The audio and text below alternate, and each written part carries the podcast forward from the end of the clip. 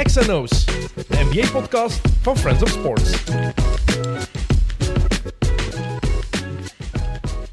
Game 1 van de NBA Finals is gespeeld en dat betekent dat we kunnen beginnen met onze veel te vroege conclusies, zoals we altijd doen na een eerste match van een eh, spannende of belangrijke playoff-serie. Boston heeft de eerste match gewonnen in San Francisco op het veld van de Golden State Warriors en dus hebben ze het thuisvoordeel gestolen. En om daarover te praten zit Leendert Derk bij mij. Leendert, welkom terug. Dank u. Gekeken vannacht, vanmorgen?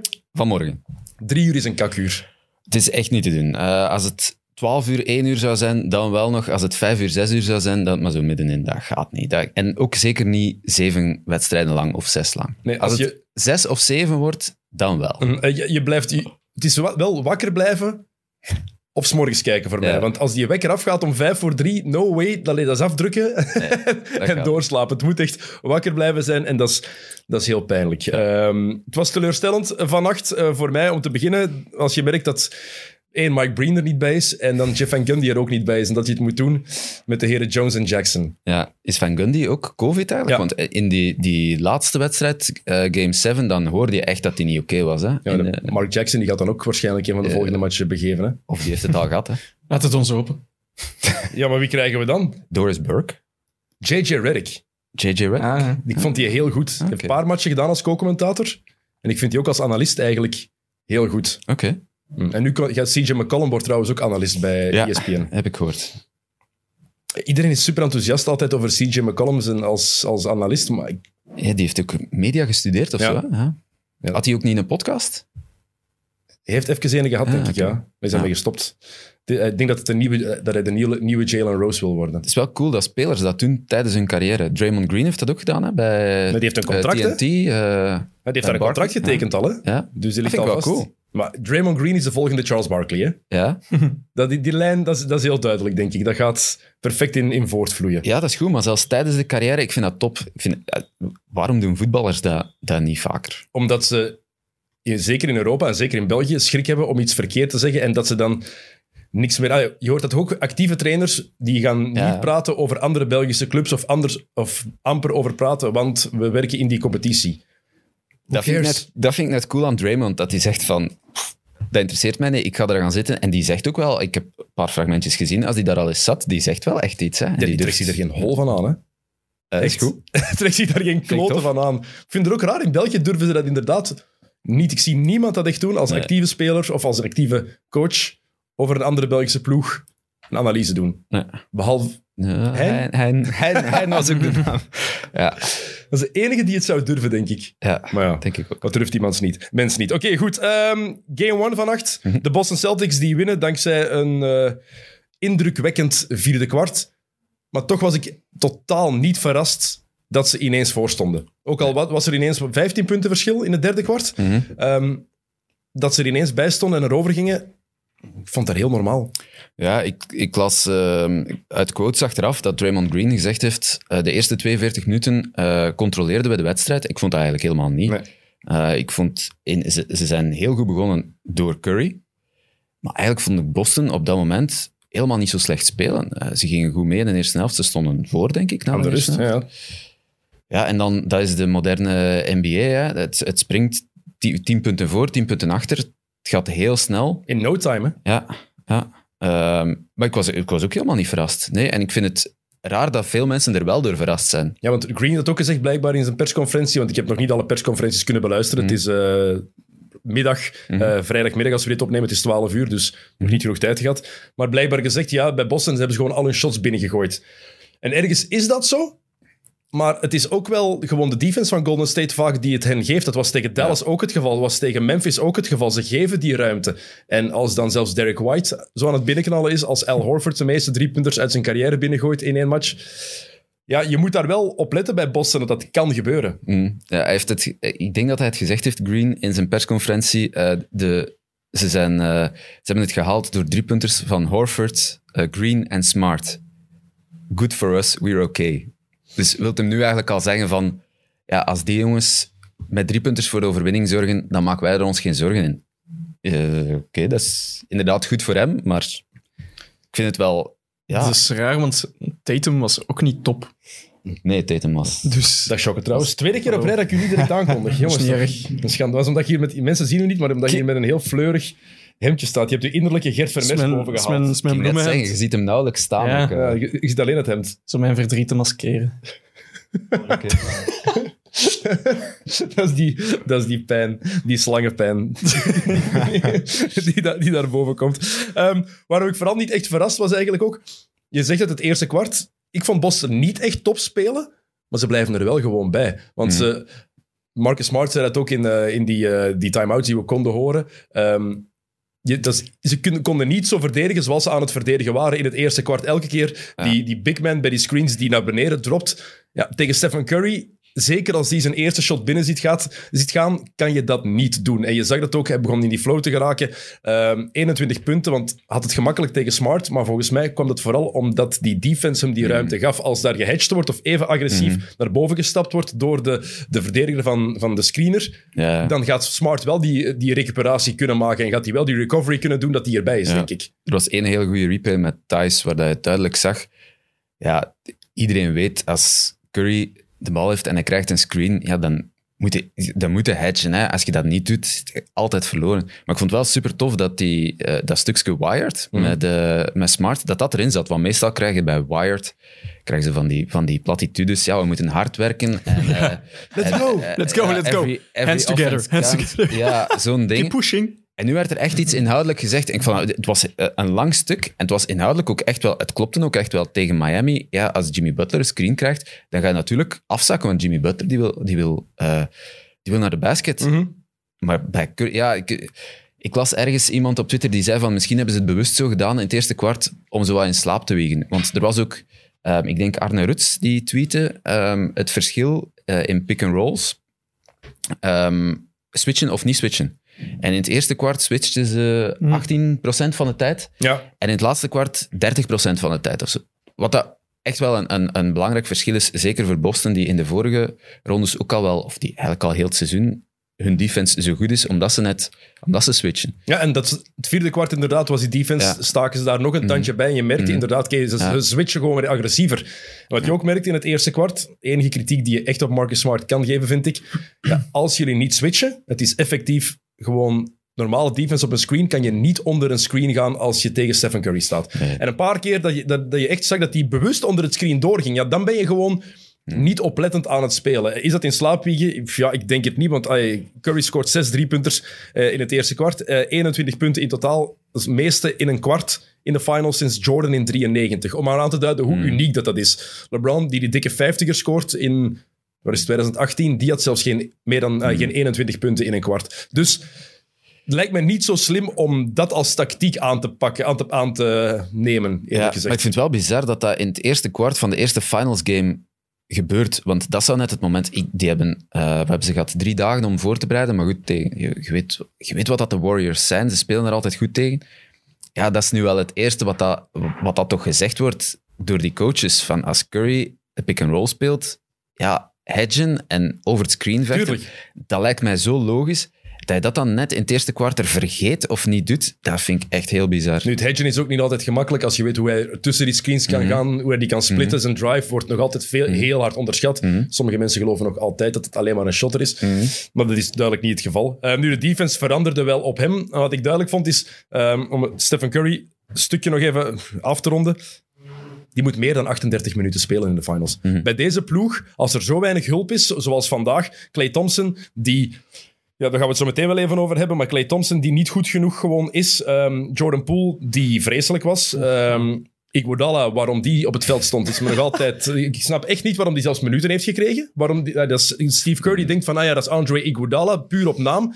De mens heeft heel de playoffs niet gespeeld. Waarom die zoveel mocht spelen. Ehm, van wie heeft hij hulp gekregen? Van Porter. Looney af en toe, maar vooral Porter is de enige die hem effectief geholpen heeft in mijn ogen. En dan heb je meer dan 38 minuten nodig en dan was hij on fire en dan zie je Curry, Curry op de bank zitten en nog op de bank zitten Ja. en nog op de bank zitten. Ja, dan haal je zo iemand uit zijn ritme. En dat vind ik een grote fout van Steve Curry Ja. in mijn ogen. Hij heeft het zelf ook al gezegd, hè, Curry, of hij heeft het misschien niet letterlijk gezegd, maar hij heeft erop aangestuurd dat hij misschien 40, 42 minuten moet spelen in plaats van 38. Mm. Tuurlijk, in de finals, waarom, waarom ga iemand... Hij geeft die kleine breakjes van twee, drie minuten en... en Het is gedaan hierna, hè. Tuurlijk. Je moet Ja. ze niet meer sparen. Ja. Eh, die enkel van Curry op het einde gezien? Ja, oeh. Dat is nasty. Het zag er vies uit, hè? Vooral Ja. de manier waarop. Het is- Ja. Hij stapt niet op een voet. geen contact, hè? Nee. Nee. dat is meestal... Vermoeidheid. Het- ja, Dat is teken, dat, dat- meestal is dat teken van, van vermoeidheid. Anders sla je voet niet zo om. En dat Mhm. merkte je ook wel. En alle credits voor Boston dat ze, ja, dat ze Golden State zo moe hebben gekregen. ja. Want ik heb het gevoel, hoe langer een aanval duurt, en zeker in de halfcourt, hoe langer je tegen die Celtics defense moet spelen, Ja. hoe lastiger het wordt. Het is Ja. wel, want het is wel, als je Curry ziet, zo'n hele match, ik snap ook wel ergens dat hij, dat hij geen, eh, Jimmy Butler die speelt dan 48 minuten, dat kan Curry niet. Als je ziet hoe dat hij speelt, hoe dat hij rondloopt, over screens, terugkeer, weggeduwd worden voor iemand die fysiek niet zo imposant is.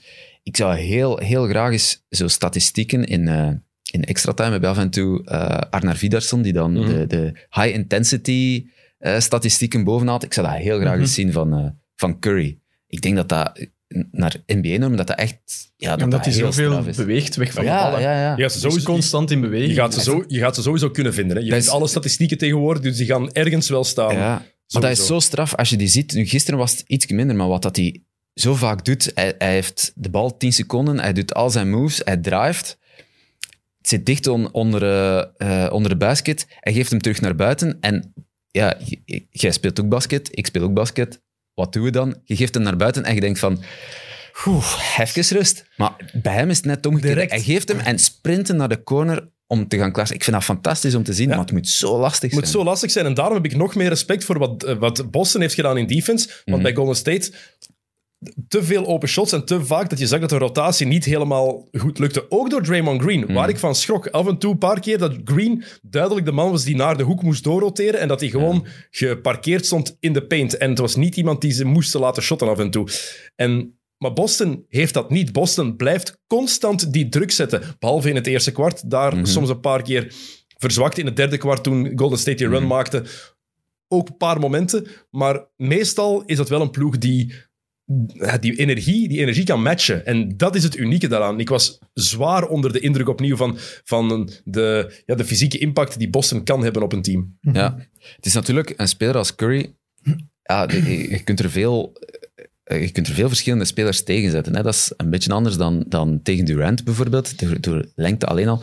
Maar Curry die werd verdedigd door, eh, door Pritchard bij momenten, die het niet eens zo slecht deed. Ja, dat is ook, als hij hem de bal afgeeft, plak er tegen en zorg dat hij hem niet meer terugkrijgt. Als, op zich, als verdediger, is dat iets makkelijker om te doen. De Matthew Dellavedova. Ja, voilà, ja, dat, hè. Ja, ja, Della Vadova, de goede naam. Die, die deed dat ook, hè. Ook geen, geen topverdediger, maar ja, Nee. als je effectief als opdracht... Je, je moet geen goede verdediger zijn om effectief constant op één man te plakken. Voilà, Als, ik was altijd blij als de coach tegen mij zei, Dennis, plakt op die. Ah, moet ik nergens anders rekening mee houden? Moet Ja, ik niet gaan helpen? Gewoon eh, gemakkelijkste wat er is. En je weet van, oké, die mens kan er 30 binnengooien, maar als ik daar alleen maar op moet plakken, ça va, Aha. chill. Ja, dat, het- zag je, dat zag je ook in die, in die match. Hè. Soms dat Curry in de corner stond, de bal was helemaal aan de andere kant. Je dacht van, die- nu zijn ze echt wel aan het overdrijven. Maar ja, het, het werkte wel. Ja, en vooral, wie ging het eh, anders ook doen natuurlijk? Hè? Wie, ging, eh, wie ging Curry daar, daar helpen? Misschien moeten we dat eerst even bespreken voor Ik heb, eh, ik heb nog even een artikel gevonden uit 2019 over de eh,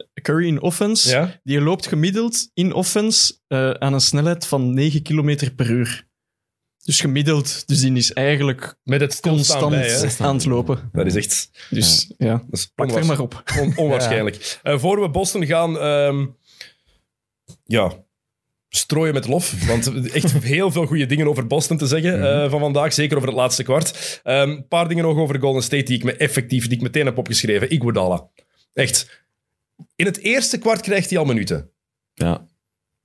En waarom staat hij er op het einde nog op? Hij shot daar die ene driepunter binnen. Maar waarom, waarom staat hij zoveel op het veld? Ik snap dat totaal niet. Dat is toch puur op naam dat hij, of puur op ervaring dat hij dan die kans krijgt? Ja, of een boost te geven aan, aan Curry of zo. een boost. Omdat ze weten van... Die mens heeft niks gedaan. Ik vond het wel cool. Als Warriors vond, vond ik het wel zo... Wauw, he's back. Maar als, wa- als het- Warriors-fan zou je net eigenlijk teleurgesteld moeten zijn. Omdat Ja, je maar- denkt van, oei, Ja, ja, maar dus je hebt, je hebt gezien Iguodala erop komen en je denkt wel van, kijk, daar is hem. Maar je zei ook wel instant, er is zoiets van, ah, oei. gaat die al komen. Als, Ja, ze, als ze die laten komen, dan is het wel niet goed. gewoon. In, in defense kan ik het snappen, omdat wat dat Boston heel vaak heeft, is turnovers. En zeker van Brown en Tatum. Die, die, eh, Brown die zijn balhandling is niet altijd even goed. Het wordt En erger dat- en erger. En dat is wel wat dat Iguodala als geen ander kan, is, is gewoon ja, eh, een, een bal wegtikken. En Dat, is die wel, dat doet hij perfect.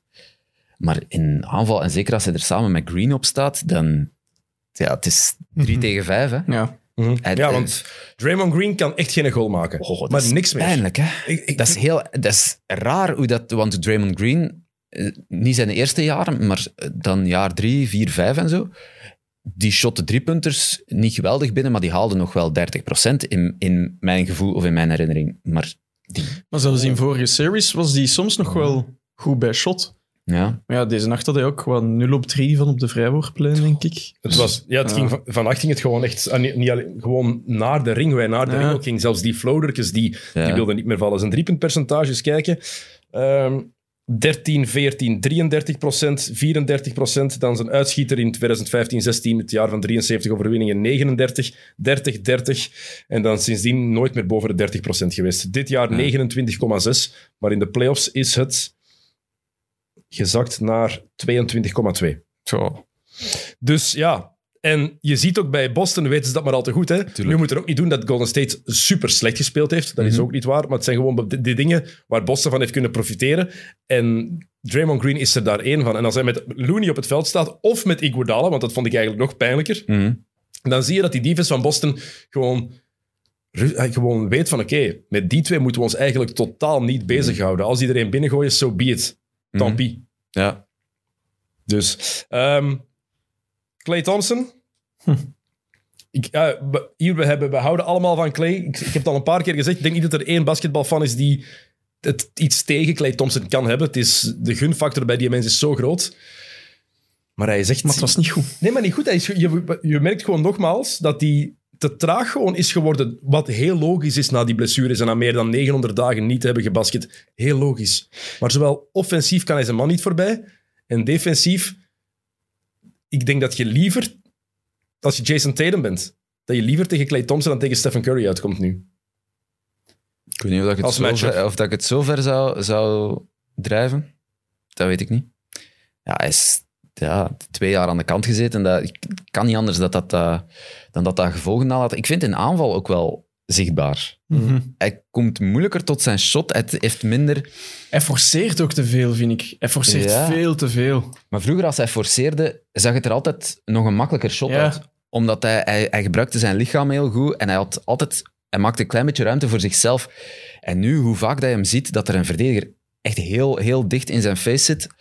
Als hij het shot neemt, dat was vroeger niet. Zijn techniek is ook een klein beetje veranderd, heb Ja, ik in, ja. indruk. Ja. Het prachtige shot dat hij had, want de mooiste techniek die er was, Mhm. het is nog altijd mooi. Mhm. Maar er is toch iets aan veranderd, vind ik, ja, vroeger was, ook- release. vroeger was, heb ik het gevoel, was de release ook iets sneller nog. Ja. was het shot sneller weg.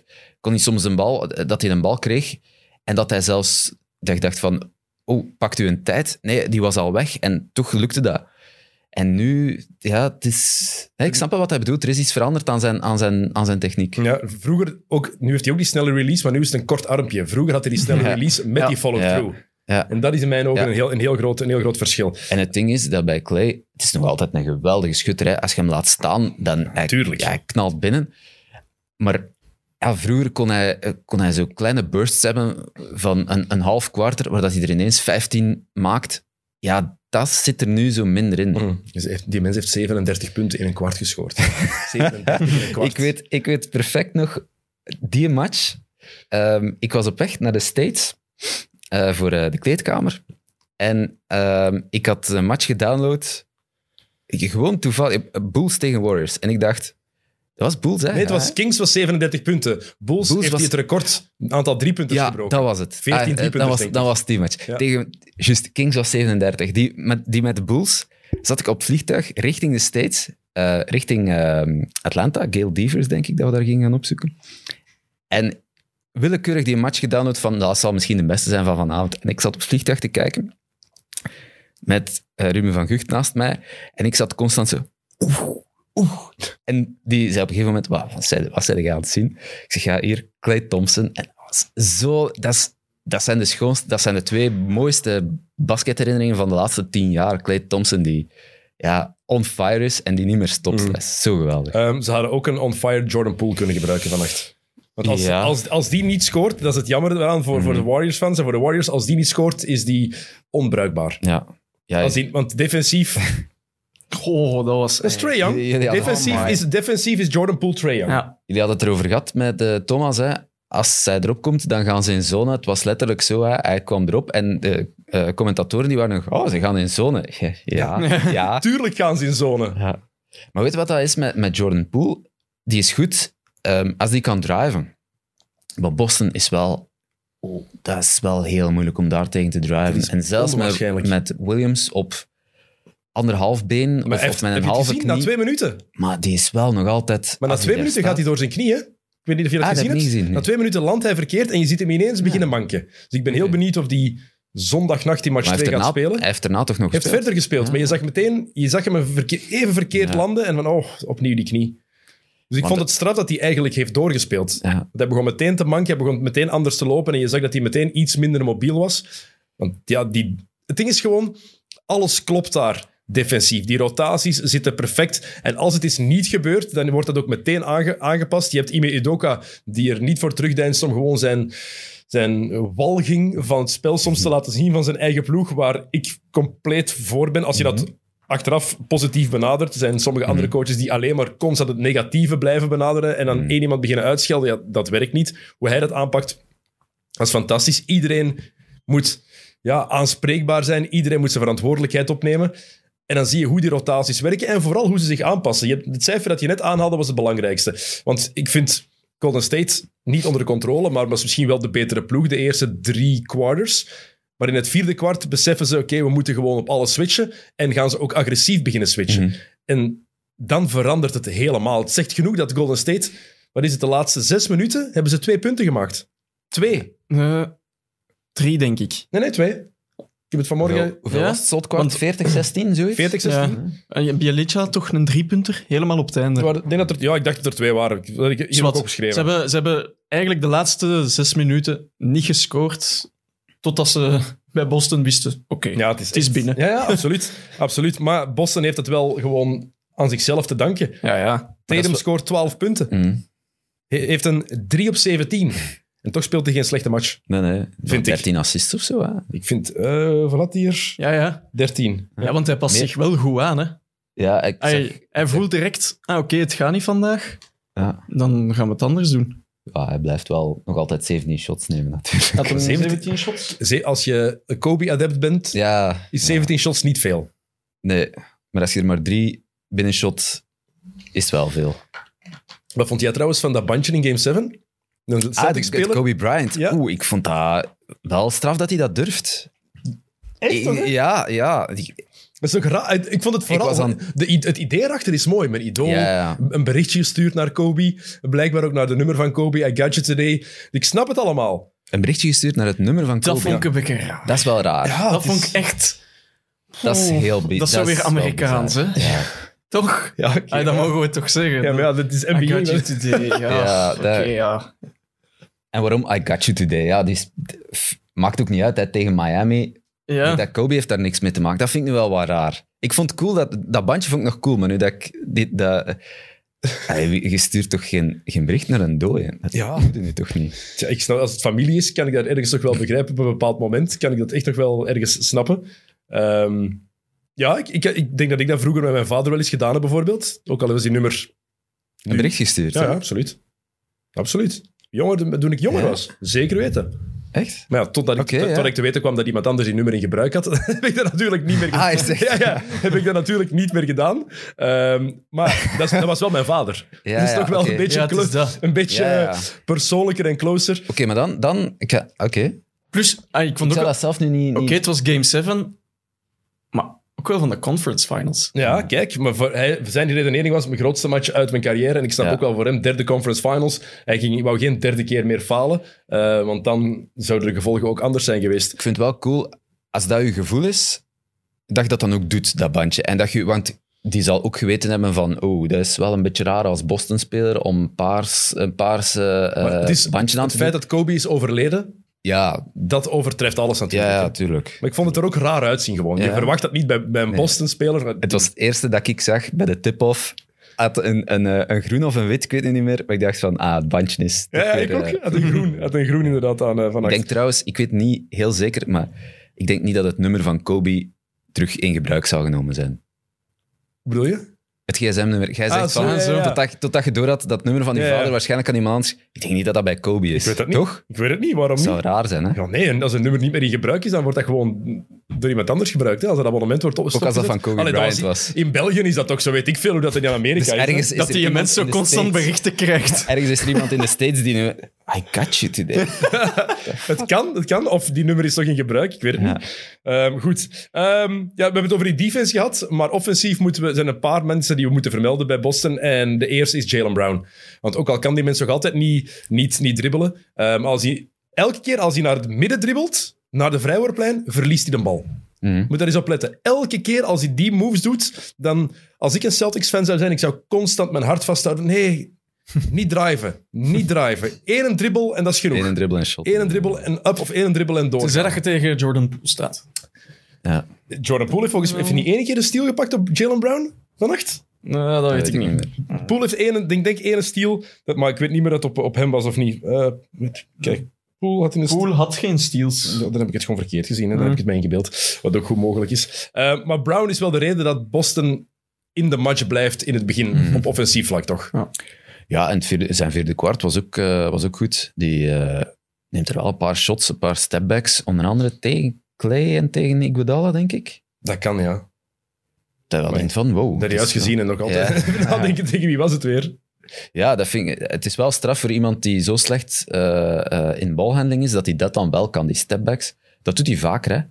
Ehm, ja, die, dat was eh beste speler van Boston. Ja. Ondanks ehm, White en, en Horford met hun shots. Maar Brown heeft zich echt wel in de match gehouden. Ja, Horford. Die ja, 26 punten. Zo is het, 6 op 8, 6 op 8 van achter de driepuntlijn. Hij pakt dan maar 6 rebounds. Hij is maar een plus 9. Maar die mens, zijn impact op die ploeg is zo gigantisch. Dat is, zeggen- iedereen zegt altijd Marcus Smart is de heart and soul van de Celtics ploeg. Ik denk dat Horford even belangrijk is. En het is, ik ben, ja, ik, voor mij mogen ze alle twee winnen. Ik ben iets meer Golden State dan Boston, maar Horford is wel een beetje de Clay Thompson van Boston. Hè. Je kunt daar niet tegen zijn en hij moet een zalige speler zijn om mee samen te spelen. Horford, die, Thompson is gewoon, Clay is gewoon ook nog cool naast het veld. Horford heeft dat niet. Wat Clay allemaal doet, met allee, Ja, de dingen dat hij doet. Die heeft niet heel veel uitstraling, hè, Horford? Nee, dat is het inderdaad. Voor mij ook niet. Nee. Die gaat niet met een boot Maar die heeft naar, wel een- een- match. Die Met heeft wel zijn een hond. hele harde gunfactor. Ja, dat, ah, wel, Ook dat om bedoel ik, zijn ja. eerste finals. Dat is, Ja. Horford is Dus- zo'n een lieve mens. ja, Ja, Zo komt dat voor Ja, mij ja. over. dat is de papa van die ploeg ook een beetje, denk ik. Ja, by far. Hoeveel jaar scheelt hij met, eh met Udoka? Udoka is niet zo oud, hè? Eh, wat is Udoka? 40 of zo? Eh, is van 77. Dus 44, 44. jaar. Oké, schelen, schelen, bijna, Ja. schelen 9 jaar. Acht jaar. Ja, oké. Oké, ça va nog. ça va nog. Ehm, maar ik vond het indrukwekkend wat Horford gedaan heeft en Brown. Ja, als Brown ze niet in de match houdt in de eerste helft, dan denk ik wel dat het uit de hand kan lopen. Mhm. Ehm, want ik vond ze in het eerste kwart niet slecht, maar ik vond ze ook echt niet goed, Boston. Het had daar pijnlijker kunnen zijn. Omdat Curry on fire was, als ze daar effectief 15 punten achterkomen in het eerste kwart, dan kan het snel uit de hand lopen. Ja, maar het feit dat ze niet achterkomen zegt ook wel, of dat ze niet, ehm, dat ze niet helemaal uit de match gespeeld worden, zelfs als Curry zo'n kwart speelt, zegt eigenlijk ook al wel iets. Dat ze, ze, het had makkelijk na het eerste kwart 15 punten verschil kunnen zijn. En dan wil ik het nog wel eens zien of dat ze terugkeren. Maar ehm, ja, ik, ik vond... Ik kon eigenlijk al in het eerste kwart zien van... Ja, Curry ging dat ook niet blijven volhouden. Hè? Hoe dat die... Zes, drie, vijf drie punters, zes drie Zes, punters in, in het eerste ja. kwart. Ja, dat blijft nooit... Dat blijft nooit duren. Dus je wist, als die binnen de 10 punten blijven, Savan nog. Dat is, dat is gewoon hoe dat de NBA tegenwoordig in elkaar zit. Als je onder de 10 blijft, is het eigenlijk altijd... Onder de 10 is wat dat in de jaren 90 onder de 4 was. hè. Ja, dat is echt Dat is, echt, dat, is, dat is zo, hè. En dat is zo weg. 15 We hebben ook al zoveel comebacks gezien in de Ja, playoffs nu. Dus ja. Ja, vroeger, vroeger als, je, eh, als er 15 punten verschil was, dan kon je beginnen spoelen naar, naar het einde van de match en af en toe nog eens stoppen en zien van, wow, het is nog altijd 15.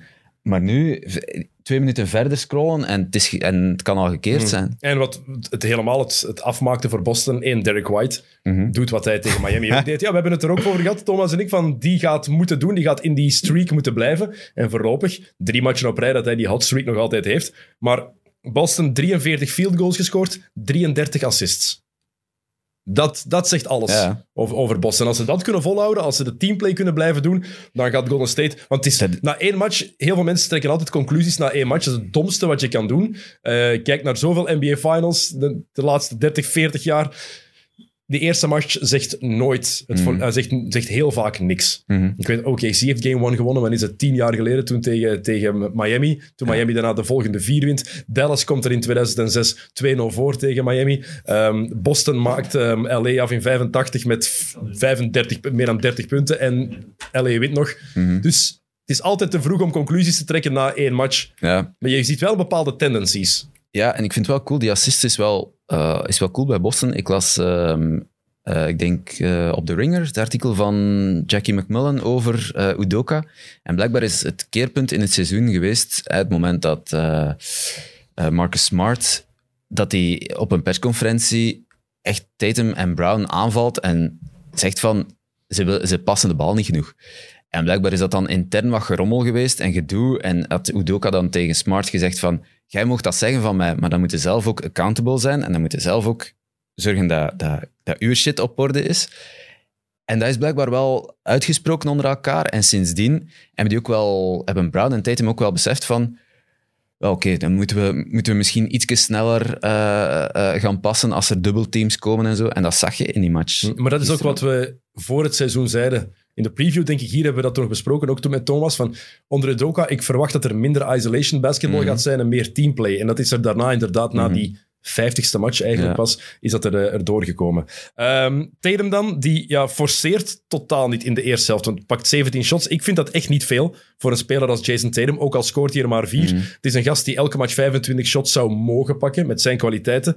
Maar het feit dat hij vooral in de eerste helft pakte, wat de defense hem gaf, vond ik echt indrukwekkend. Hij was misschien iets te passief met bepaalde mismatches. Bepaal, als, als je tegenover Jordan Poole staat, moet je als je Jason Tatum bent altijd de bal opeisen. Waar je ook op het veld staat. Als je die mismatch hebt. Mhm. Een paar keer zag ik hem dan zo gewoon bewegen zonder de bal, maar amper niet om de bal te krijgen.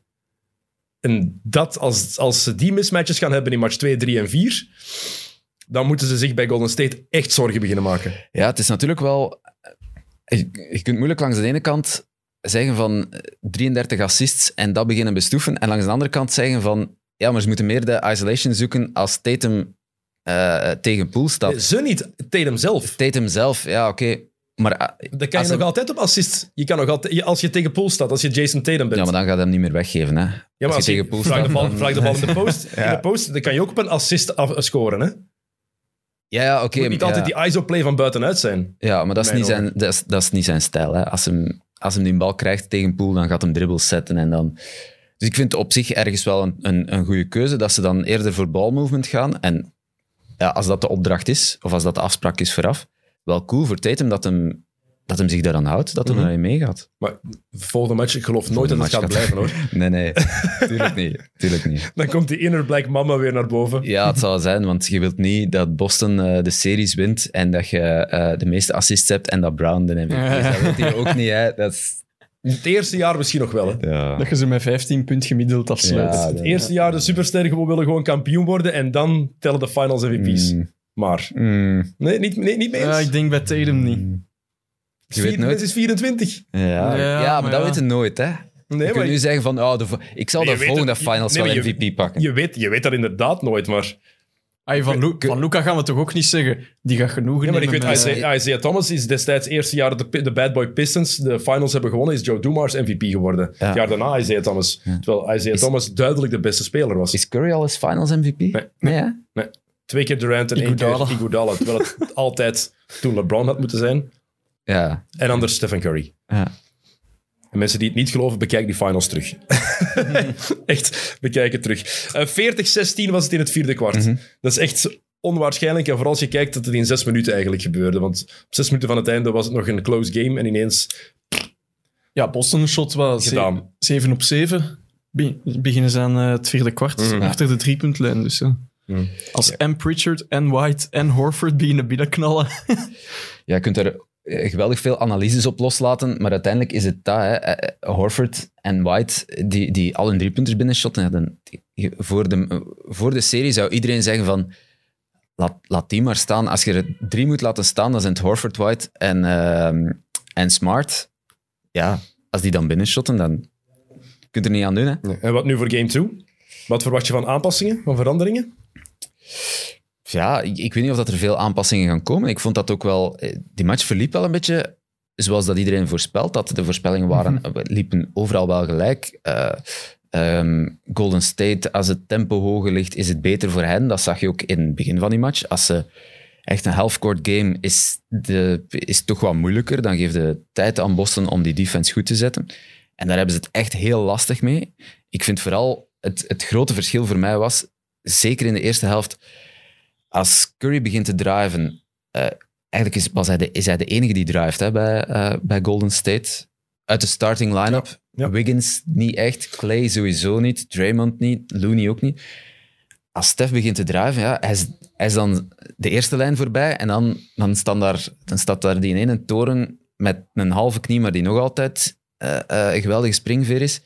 Ja, raakt er maar eens voorbij. Terwijl bij Boston is het, als die de eerste lijn voorbij zijn, ik heb de indruk dat Brown en Tatum dat die geen schrik hebben van Looney en van, van Draymond Green. Nee. Onderdoe, dat zijn geen rim protectors. Dat is Draymond Green nooit echt... Ja, vroeger misschien meer. Anders, het is een maar ander soort nooit- rim protector. Ja, ook, dat is geen Ja. Rudy Gobert, dat is geen, dat Dat is iets wat, Robert zoals Williams. Williams dat wel doet. Nee, dus dat vind ik een heel groot verschil. En daar zou ik mij in, in eh, plaats van Golden State wel een klein beetje zorgen over maken. Maar langs de andere kant, Williams heeft ook maar 24 minuten gespeeld. Dus denk, Ja, de, de line-up met Horford op de vijf, denk je dat voor Boston nog altijd de stelligste line-up gaat zijn. En ik denk dat het ook heel belangrijk wordt om te zien hoe ze gerecupereerd gaan zijn. Want je zag Golden State echt vermoeid zijn. En ik vond het straf dat zeker Boston met de blessures die ze hebben en minder Mhm. rust en twee hele zware eh, series met zeven matchen, die leken mij veel meer uitgerust en veel meer Ja. klaar om die match te spelen. Ja, maar die zijn ook gewoon jonger en fysiek sterker. Hè.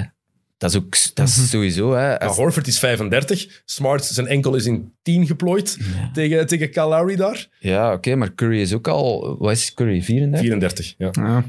Ja, Clay Thompson, die is, wat is die, 30, maar doet er 31, maar, tien jaar er maar vijf die- jaar bij met zijn, met zijn blessures. Ja, voilà. Iguodala, die is de 38 of zo. Pff, Ja, ik had ook zo de indruk van Curry dat het nu pas eigenlijk zijn eerste goede match was van de finals. Eh, van de playoffs. playoffs. vond ik. Ja, niet helemaal mee eens, eerlijk gezegd. Nee? Maar nee, eigenlijk niet. Ehm, gewoon het heeft eerste, wel- het, hij heeft het al eerste is, gespeeld, het, het eerste kwart was gewoon zo uitzonderlijk dat dat daarom extra hard opviel. Hij heeft zo'n kwart nog niet gehad, waarin je echt het gevoel dat je soms bij Curry hebt van Mhm. oeh, hij ontploft. Wat je bij Jason Tatum al een paar keer hebt gehad in Mhm. deze playoffs, wat je bij Jimmy Butler een paar keer hebt gehad, dat je in één kwart zag van oké, nu ontploft die mens. Dat hebben we van Curry gewoon nog niet gehad in deze playoffs. En dat hadden we nu wel. Maar daarna, hoeveel Maar- punten had hij in totaal, Curry? Ja, 30 of zo. 4 34. Dus ja, had er maar 13, had er, had er 0 in de tweede kwart, 13 punten in de tweede helft. Ja, hij heeft na dat eerste kwart ook nog maar 1 en 3 punten binnen geschot. Ja. hè. Dus En wat dat wel is bij... ehm, als je de previews las, werd er vaak gezegd eh, wie is de beste speler uit deze serie. En dan ging het altijd tussen Curry en Tatum. En daar, is over, daar kunnen we nog over discussiëren. Ik zou nog altijd Curry zeggen. En dan is Tatum de tweede beste in de serie. Maar de nummers drie en vier zijn dan Brown en, en lijken mij ook nog spelers van Boston. Ja. Clay Thompson en, en Poole Ja, de, en de, Draymond. de, pool van de, ja, e- de pool van de eerste ronde, als je die Ja. krijgt, dan is dat de top 4, top 5. Maar de pool die we nu gezien hebben, en ook in de vorige ronde tegen Dallas met momenten gezien hebben, is niet de pool die Golden State nodig heeft. Ehm, Boston is... Allee, mensen die gokten op een sweep voor Golden State, die eh, mogen hun woorden snel inslikken, want... die- nooit- op iemand specifiek? Wie bedoel je, Ja, ja? nee hoor, ik zou niet weten of wie. nee, maar Boston is zo'n ploeg... Je mag die echt geen seconde onderschatten. Nee, nee, nee. Geen seconde. Die, zit- dat zit daar zo goed... Een sweep, dat zou je sowieso niet. Dat, nee, ze hebben ook... Ze hebben, je, je zag in de matchen dat Boston ook veel meer... Boston heeft echt tegenstand gehad in, in het oosten. Ja, ik denk, met alle respect voor Luka Doncic, geweldige speler, maar Dallas, nee, dat is niet... ja, je komt nu wel tegen een ploeg te staan. Ja, Als de, shots, als de shots bij Dallas niet binnenvielen, dan was die ploeg gewoon niet goed genoeg. Ah, ja. Heel simpel. Als de shots binnenvielen wel. Dit Boston, als de shots niet vallen, gaan ze nog wel een andere manier vinden om te scoren. ik vind het veel verrassender dat Dallas in de conference final geraakt is dan, dan dat Boston in de finale geraakt Tuurlijk. is. Dat is, ook, dat, dat is ook gewoon... ja, Golden State echt heel, heel weinig tegenstand gehad in het Westen. En nu komt hij er wel. En ik denk wel dat ze in de volgende wedstrijden, het, ze gaan zich niet, het zal niet iedere, iedere match zo zijn dat ze in het vierde kwart een 40-16 gaan tegenkrijgen. Ik denk en hoop vooral dat dit het beste is wat eh, had kunnen gebeuren voor de serie. Mhm. Voor mensen die een spannende serie willen, zoveel mogelijk matchen. Mhm. Een serie begint pas als de uitploeg wint. Hè? Ja. cliché, maar het is wel waar vaak. Maar het is meteen gebeurd. Ja. En er is meteen druk voor Golden State om die volgende match te winnen. Met 2-0 naar huis gaan. En met 2-0, nee, naar, naar, Naar Boston. naar Boston gaan. Het is nog niet vaak gebeurd dat een 2-0 achterstand Nee. opgehaald wordt als je daarna naar een, eh, naar een andere stad moet. Dus dat gaat interessant worden. Ehm, wat ik wel bedacht trouwens, zo deze serie. Je hebt Curry tegen Tatum, maar het is zo een serie waar je niet echt zo de matchup ook hebt van de, de grote, van de supersterren. Tenminste, je hebt Tatum en Curry, het is wel zo. Maar zoals je vroeger Curry tegen LeBron had. Magic tegen, tegen Jordan heb je, heb je gehad. Jordan tegen Barkley heb je gehad. Ehm, twee jaar geleden met Butler tegen LeBron was dat misschien ook niet echt het geval. Toen Miami tegen, tegen, tegen de Lakers vorig jaar. Giannis tegen Chris Paul. Hm? Mhm. Mm, Maar ja, we zeggen dat nu, hè. Ja, misschien denken we over een week iets helemaal anders. Ja. Als uh, voor dat Boston met 4-0 wint en Tatum die, die domineert die volgende drie matchen wel. Maar daarom was ik aan het denken, wat zijn de leukste, leukste matchups die we nooit hebben gekregen oh, in de finals? Da- daarom, daarom dat ik de link eigenlijk wilde maken. dat vind ik echt een hele goeie. Want er is er ene, die, LeBron, Kobe. dat is de Kobe ene, LeBron, die, ja. die staat bovenaan. Ja. LeBron Kobe hebben we nooit gekregen. Ja. En LeBron heeft ook toegegeven dat het zijn fout was. Hè? Ja? 2009, ook al heeft hij zichzelf daar niks te verwijten. Serie Orlando, tegen Orlando. eh, ja. LeBron was fenomenaal in die serie. Ja. Echt fenomenaal. Ligt duidelijk aan zijn ploeg. Ehm, maar toen, hij vindt dat hij er toen had moeten staan.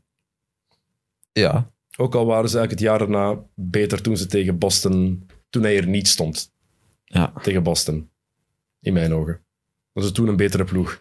Ehm, dat hadden mij gisteren moeten eh, sturen. Dennis, daar kon ik maar ik heb, het ook, nadenken. ik heb het ook Dat last minute, daar- ik heb het daar net last minute opgeschreven. Ah, nu ben ik echt aan het denken, man. Wat zou de coolste... Duncan tegen Kevin Garnett. Spurs Boston. Ja, ja. Want, omdat die twee elkaar echt, Duncan, ja, Duncan was ik ook al aan het... die twee haten elkaar Dat destijds. zou wel heel hard geweest zijn, Zijn er nog met Shaq? die die- matchup. Je kunt- Ja, maar Shaq tegen wie? Tegen David Robinson? Tegen Ja, Hakim hebben we gehad. Tegen Tegen... Hakim hebben... Ja, David Robinson of tegen Patrick Ewing? Zijn ze de enige Ja. twee matchups die je had willen zien van, van Shaq? hmm.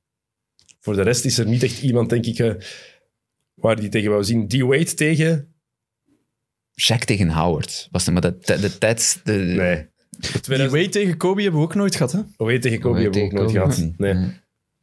Dwayne Wade wordt trouwens... De prime van Dwayne Wade wordt, wordt trouwens zwaar onderschat. De prime van, van Dwayne Wade. Het zal zijn. Mensen onthouden te vaak zo de... 2006 eh bedoelde... En tw- 2009 heeft hij eigenlijk een MVP-jaar ook. Waarin LeBron wordt een MVP, maar Ja. Wade is tweede. En Ja. 2009, Wade is uitzonderlijk hoe goed hij is. Maar we vergeten dat soms, omdat het is logisch. Hè? Je denkt altijd aan de laatste jaren. Bij Dirk Nowitzki is dat ook zo. Als je nu terugdenkt, je denkt aan Dirk de laatste twee, drie jaar. Terwijl, vergeet niet hoe goed hij bijvoorbeeld in 2003 of 2004 al was. Ja. Dus, maar Dat bij matchups, Clay- dat gaat bij Clay Thompson ook jammer genoeg een beetje hebben. Hè? ik vrees daar ook voor. Ik kan nu nog misschien vier jaar spelen of zo. En dan gaat het idee hebben van Clay Thompson, een goede spot-up shooter. Maar als je dan ziet hoe goed dat hij echt was in zijn prime. En eigenlijk een beetje jammer dat hij nooit zijn eigen ploeg gehad heeft. Dat hij altijd... Het is, het is dubbel. Het is nooit- tof dat hij daar gespeeld heeft. En dat maakte hem ook wel cool. Maar ik had hem ook wel eens willen zien. Een ploeg die helemaal rond hem Maar dat gebouwd is nooit gelukt, denk ik. Dat is, een- dat is geen nummer één. Clay is geen nummer één optie. No way. Had Die vindt zeker, dat niet, ook niet erg. had zeker niks gewonnen. Nee, hij vindt het niet erg, Nee. maar ik had het wel willen zien. Hij staat nu ook wel tweede in eh, all-time eh drie punt Oké. lijst In de playoffs, ja. de playoffs, ja. Maar ik, nee, ik LeBron voorbij nooit gestoken. dat hij... Dat hij zijn eigen ploeg naar succes had kunnen leiden. No way. Leidde niks. Ah, Leendert. We, we- we- het, zijn zijn de, er. het zijn de playoffs, dus we praten hier niet over de Lakers en we Ah, gaan oké. zeker niet over de New York Knicks praten. Sorry. Oké. Allee, je, mag- je, mag, je, mag er iets over kwijt als je wil. Hè? Over hoe jullie volgend jaar Donovan Mitchell gaan proberen binnenhalen en dat jullie eruit, eigen ruiten weer gaan ingooien. Nee, nee, laat het maar. Of Rudy Gobert. Zou nog, Oh. nog, zou nog erger zijn. Nee, dat zou echt... Ah, dan... Maar stop je dan met fan zijn van de Knicks? Nee, nee, dat kun je niet. Je kunt niet stoppen met fan zijn van de Knicks. Ik ben fan van de Knicks en van Manchester United. Dus dat, het gaat Oh. heel slecht op dit moment bij Oh. mijn ploegen. Een United-fan en Knicks-fan. Ja, ja. Oh, dat is En. Oakland Raiders. Allee, Oakland Raiders zeg ik nog altijd Las Vegas Raiders. Ja. Die hebben wel die, die zijn een paar goede transfers gedaan. Derek Carr, ik ben geen fan van die quarterback. Maar hij heeft nu zijn receiver waarbij dat hem, waarmee dat hem op college gespeeld heeft, eh Devante Adams Mhm. van de Packers, die de beste receiver is in de NFL de voorbije drie, vier jaar. Dus ik, ik, heb hoop. Het zal van de Raiders moeten komen wel, vrees ik, komend seizoen. Van, Ah, Erik ten Hag bij United. ja, ja, eh, alle kansen aan eh, Erik ten Hag. Ja. Ik heb nog twee dingen opgeschreven die mij tof leken. Ja, sorry, ik heb het ook last minute gedaan. Het, was, Ja? het ging over de match van vannacht. Dus ehm één, een nieuwtje. LeBron is eh, de eerste actieve NBA-speler die miljardair is geworden. Ah, echt? Meneer, de, dus de derde ex-NBA-speler die miljardair is. Ah, derde NBA-speler in totaal. Jordan en wie nog? Magic. Ah, oké. ja. Door Kobe zijn, toch? eh, door zijn eh, Ik bioscoop. had eh, eh, ergens gelezen, Kobe ook. Kobe is geen miljardair. Nee? Oké. Magic, ik had Magic en Magic Jordan en dan nu LeBron gelezen. Maar Dat, was zijn, dat was zijn doel, hè, van, eh van miljardair worden. De, de first active eh, billionaire athlete. Ja, het is hem gelukt. Ja, Dat is onwaarschijnlijk, hè? dat is fenomenaal. Ja, maar ook, als je kijkt ook wat voor bedrijven dat die mensen ook nog heeft. Ja, ik weet niet wat. de- Ja, productie, Spring Hill, dingen, productiehuis, die doet iets met een, een, eh, een Interrupted, is ook mee van hem. Oké. Ehm, en dan, ja, Clutch. Ja. Mag niet, maar dat is ook Ja. van hem, hè. Ja. Dat weten we allemaal. Ehm, Ik vind hier wel een eh, artikel dat Kobe ook eh, miljardair was. Na zijn carrière. Maar na hè? zijn carrière. Na zijn ja, niet carrière, terwijl hè. dat hij speelde. Maar, Dat is het ding, hè. LeBron is... maar ja, Jordan ook na zijn carrière. Ja. ja. maar het ding is misschien vooral... Ja, Kobe is er nu niet meer, dus daar dat misschien Ah, ja. niet mee in die lijst stond van, spelen, van mensen we- die miljardair zijn. Daar hebben wij al toe bijgedragen, hè. Tot wat? Het miljardairschap van Michael Jordan na zijn carrière. Amai, absoluut. Die mens heeft al veel geld verdiend. Die heeft al veel geld aan mij verdiend. Echt vreselijk. Ah, LeBron en Magic niet. Ko- ik heb ook nooit Kobe's gehad. Ik wel. Ik heb nu nog de, de Kobe Grinch, eh, die groene. Ja. Waarbij dat, waarmee dat Brown vaak nog speelt. Maar blijkbaar zitten die... Ja, iedereen zegt Kobe's zit het beste om te basketten. Ja, ik heb er nooit mee Dat vind ik ook. Ik heb die, die, die, eh, die Grinch... eh, die- ja, dat is gekocht omdat dat cool is. Ik doe die heel af en toe. Heb jij, heb Die- jij met lage schoenen gebasket? Of ook altijd met, met, met highs? Nee, ook met lagen. Ja. Ik- Nooit. ja. Ik Maar heb, heel veel NBA-spelers spelen nu met Kobe's. Hè? Ja, ik nog Die worden altijd. superveel gedragen. Ze, worden ook opnieuw, ze gaan opnieuw uitgebracht Ja. worden, hè, want het is gestopt geweest. Mhm. Ze gaan een akkoord gevonden, dus de productie gaat Zijn opnieuw beginnen. Die zijn wel heel goed. Die, en, en zeker eh, dat model, ik weet nu niet welk, eh, welk nummer dat, dat is, maar die, die, die Grinch, Kobe Grinch, Mm. dat model Ik vind die wel allemaal echt echt heel keihard goed. op elkaar lijken. Al die Ja. modellen, die lagen. Ja. Ik zie daar weinig verschil in. Dat is de zes. Ah, ja, voilà. Dat is Protro. Protro, ja. Ja. Ja. dat is van retro en... Het is, dat, dat is iets, hè. Protro is een kenmerk... eh dat is even eh, sneaker, eh, Ah, oké. sneaker nerd eh, talk. Omdat iets van progressive en retro. Dat het een retro model is, maar met nieuwe... ehm, nu gaat er echt niemand niet meer luisteren. Iedereen is, denkt nu van... eh, Protro brings together performance at professional level en retro. voilà. Allee, kijk, prima. Dan weten we dat ook weer al. Bedankt. Ehm laatste dat ik opgeschreven had, ehm, omdat we, ja, we hebben vannacht geen stand-out performance van zo één iemand gezien, wat je in de finals altijd wel verwacht. We dachten, eh, ik dacht even, Stephen Curry gaat eraan beginnen na Mhm. het eerste kwart, niet gekregen. Zo, uit het hoofd, zijn er bepaalde finals prestaties van spelers die jij altijd gaat blijven herinneren, die er bovenuit steken voor jou? Je Ehm, moet ze me- waarschijnlijk zelf hebben meegemaakt om het echt te kunnen, te kunnen weten nog. Latrell Sprewell in 99. Nee ik, nee, ik ging lelijk doen en zeggen Nick Anderson. Maar, maar ja, eh, ik vind dat een coole Och, gast al. Maar dat, ik moest er daarnet ook al aan denken. Waar dat wedstrijd 1 de rest van de series beïnvloed heeft, ja, dat is de Nick Anderson game. Hè, de Dat vier vrijworpen op rij. Een van de 2018 ook.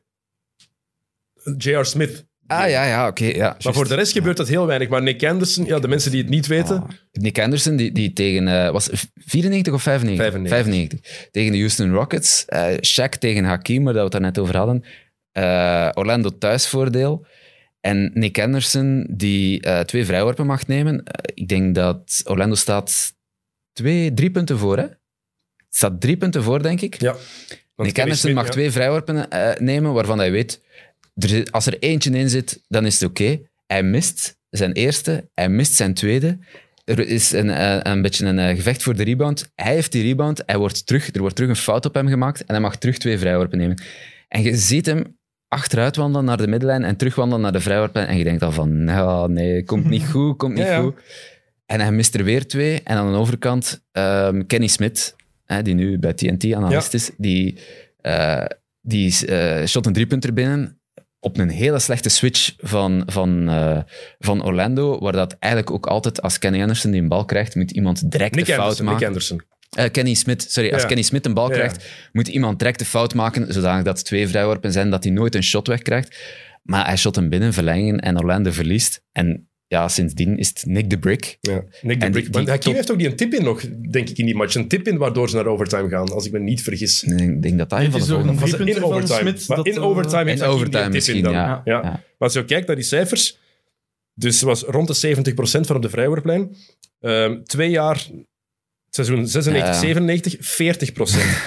Na- daarna gaat het naar 63, verschrikkelijk, 61 en in 99, 2000, 49%. Dus hoe Oh. zoiets in je hoofd kan blijven zitten, heeft er ook altijd Ja. gezegd, want hij wordt daar nog altijd op aangesproken. Hè? Ja, nog altijd ja. wordt je op straat aangesproken over die, gemis, die gemiste vrijworpen. Ja. Moet zo vreselijk zijn. Ja. Dus die blijft mij wel bij. Jordan, de Shrug, eh, dat, Ja. is- dat was denk ik een van de... Dat was 92. hè? 92, ja. Dat is een van de, ehm, van de eerste finals die ik gezien heb. En ik, ik, weet nog, dat was... ehm, mijn, mijn moeder werkte toen in een bank, of- wat dat een heel slecht idee was.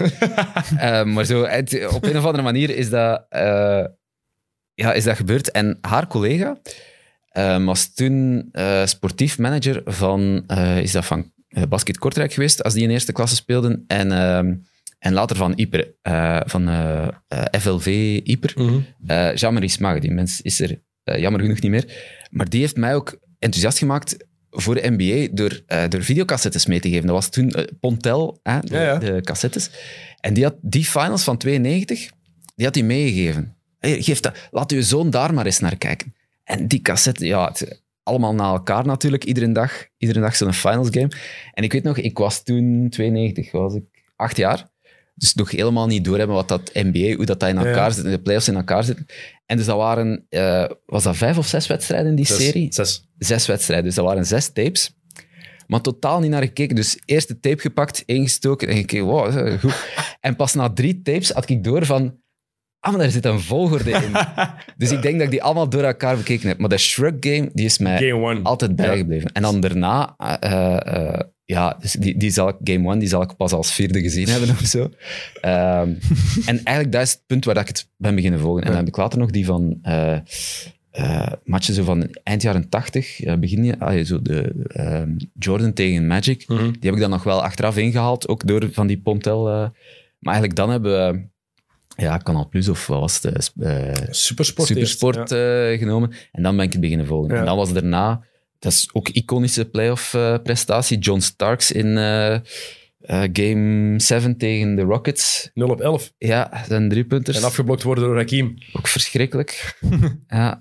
ehm, Maar jij onthoudt de negatieve, jij onthoudt Ja. de, pijnlijke, de pijnlijke momenten. Dat is wel dat is Ja. schrijnend. Echt zo de pijnlijke dingen die er Ja. bovenuit steken voor jou. ja, Dat is wel grappig. Mijn eerste finals herinnering is ook 92, maar het beeld dat John Paxson in Game 6 die bal omhoog gooit. Net Ah, voor, het- ja, voor het oké. affluiten. Dat is Ja. zo het beeld. Want ik weet toen een van de beste vrienden van mijn vader, die was dat aan het zien. En dat is zo het beeld dat ik mij herinner. Want de All-Star game van dat seizoen, die van Magic in Orlando, Mhm. ehm, dat die terugkomt voor die ene match, dat is de eerste NBA-match die ik ooit gezien heb. Dat is mijn eerste NBA-herinnering. Dat is die, Ah, eh, cool. die match is, dat is, ik heb die zeker 150 keer bekeken in mijn Ja. Zeker. Als kind, ja, als je zo... er wordt zo... er Ja, als je die cassetten hebt. die eh, commentator die zegt ook, eh, anders geweldige dingen van eh, de Magic Man en de Ja, Magic ik heb het, Kingdom. het was op Eurosport, Nederlands commentaar. Ah. Niet Erik Goens. Niet Ah. Erik Goens, was iemand anders. Nee, nee, maar ik bedoel, het, het Engelstalige Ja. commentaar was zo'n mooie zin over de Magic Man en de Magic Kingdom, omdat dat dan in Orlando was. Ja. Ja. dat, vond, ik- dat vond ik wel Heel cool.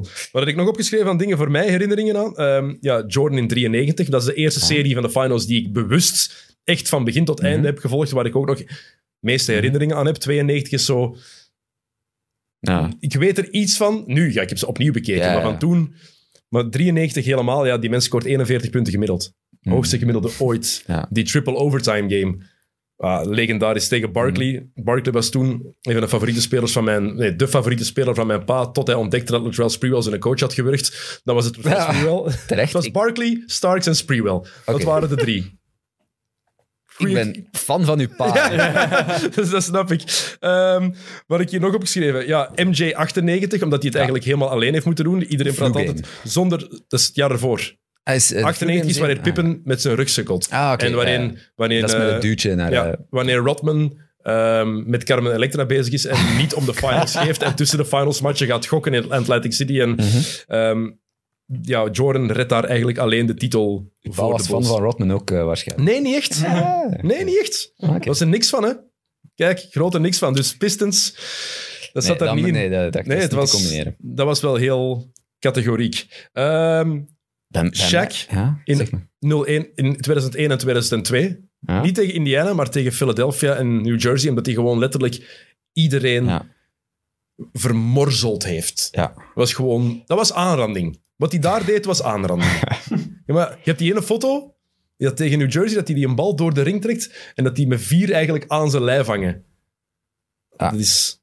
Ja, het, uit die finals ook wel iconisch moment. De, de step-over van Allen Iverson. Hè? Allen Iverson, die mijn favoriete speler all-time is. En Ja. die Tyron Lue erover staat. Ah, dat is- Ja. Die, die match, dat was geweldig. Die eerste, dat was de eerste match hè, van, Eerste de, match, overtime. van de finals. Als je, die heeft gewoon op zijn eentje overtime Ja. afgedwongen. Hè? Want ik heb die match thuis op cassette, op tape, Echt? maar die stopt drie minuten voor het einde van de match.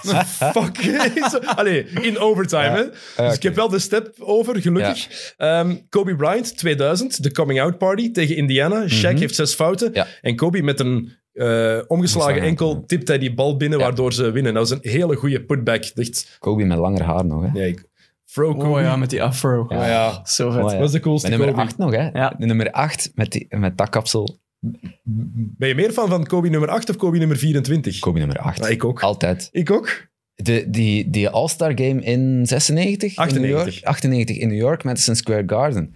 Dat vond ik fantastisch. En dat hij als, als rookie eh, All-Star wordt, ja, daar ziet hij er. Dat is, en hij is nog slank en hij is nog... Ja, dat vind ik, vind ik de max. Van de bank vooral. Hij komt, eh, Ja. is geen enkele match gestart en hij mag, eh, bij Ja, de Lakers hij mag wel starten ehm, in de All-Star Game. Bij mij Ehm, iconische momenten ook nog, maar ik ben slecht, eh, allee, slecht, veel slechter dan jij in jaartallen. Ik denk 2006, Detroit tegen San Antonio. vijf, 2005. 2005, eh, Robert Horry.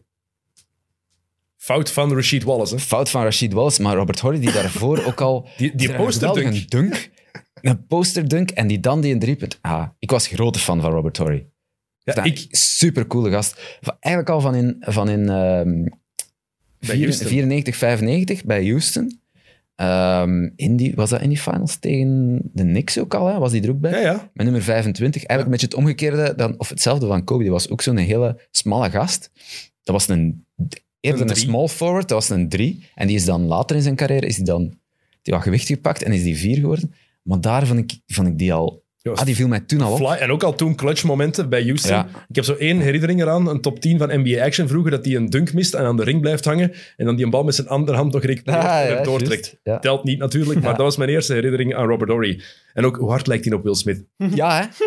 Echt, hè? En Rick Carlisle, Jim Carrey. Na- Zet die maar eens naast elkaar. Rick Carlisle en Jim Carrey. Lookalikes. Ehm, ik heb hier nog opgeschreven Duncan, die bijna een quadruple-double heeft tegen New Jersey in 2003. Ehm, en je zei 2006, ja, voor mij, ja, Dwayne Wade. En Ja, de, de refs, de refs Ja, ja. en Dwayne Wade. Ja. Scheidsrechters zeggen daarop Mhm. niks, maar, maar Dwayne Wade. Ehm, en ja, ik had ook momenten, ik had ook vooral volledige finals, want als ik aan één moment bijvoorbeeld denk, denk ik aan Kevin Garnett tegen Boston, die daar op, de, op zijn rug valt, maar net voor hij valt die bal nog met het bord kan, binnen, kan, kan binnengooien. Finals 2008, eh, eerste jaar dat de oké. Big Three van Boston samen is. En dat is een iconisch beeld van mij van Kevin Garnett, die altijd Finals MVP had moeten worden. En, en ook iconisch moment is Paul Pierce die in zijn broek kakt. Juist. Want Pierce wordt MVP. Ja, Ja. Paul Pierce wordt MVP. Ja. Is vreselijk. En, en, en, en daar herinner ik mij Hater. van dat ehm, Garnett, dat hij na de, eh, de laatste match is gedaan, ze winnen. En dat hij eh, in het eerste interview, het eerste wat dat hij roept tegen, ik weet niet of dat Lisa Salters was, of weet ik veel wie, roept hij heel hard, anything's possible. Do- Doris Ja, Burke. ja. Of Doris Burke, nog. Burke. Ja, vond ik zo... Ja. zo dat, Even de beetje- slogan van Adidas erbij halen. Ja, maar gewoon... die- die- Ja, De was, ontlading, dat- gesponsord, hè. dat, was, dat was echt dat... dit- een beetje gelijk Kevin De Bruyne zijn schreeuw als hij door eh, eh, zeven, eh, eh, zeven security man van het veld geëscorteerd wordt.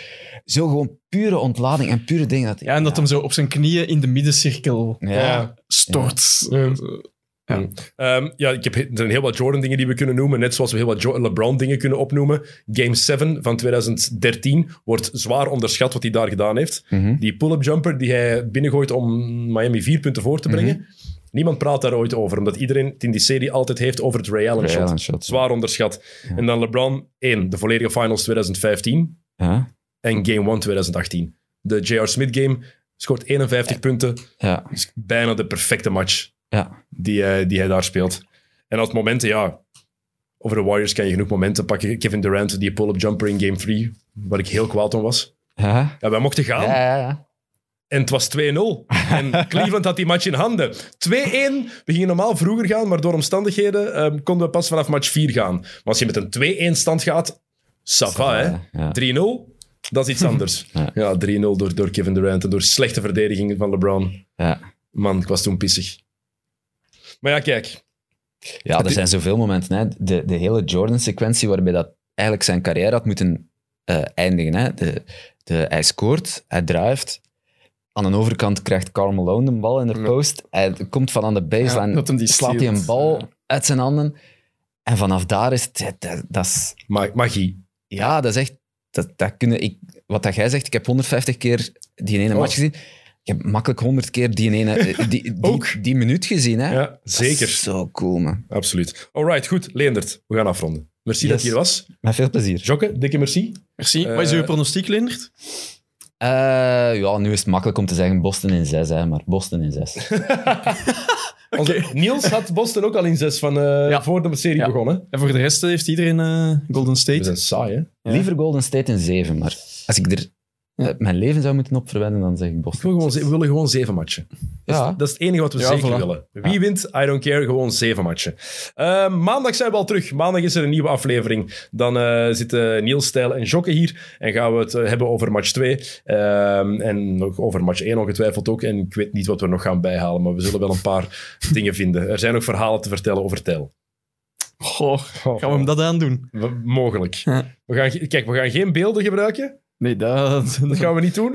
is niet zo gezond, denk ik. Tijl heeft een weekend georganiseerd. We zullen het daarbij houden. Goed, eh, bedankt om te kijken eh, en of om te luisteren. En heel graag tot maandag. Salut.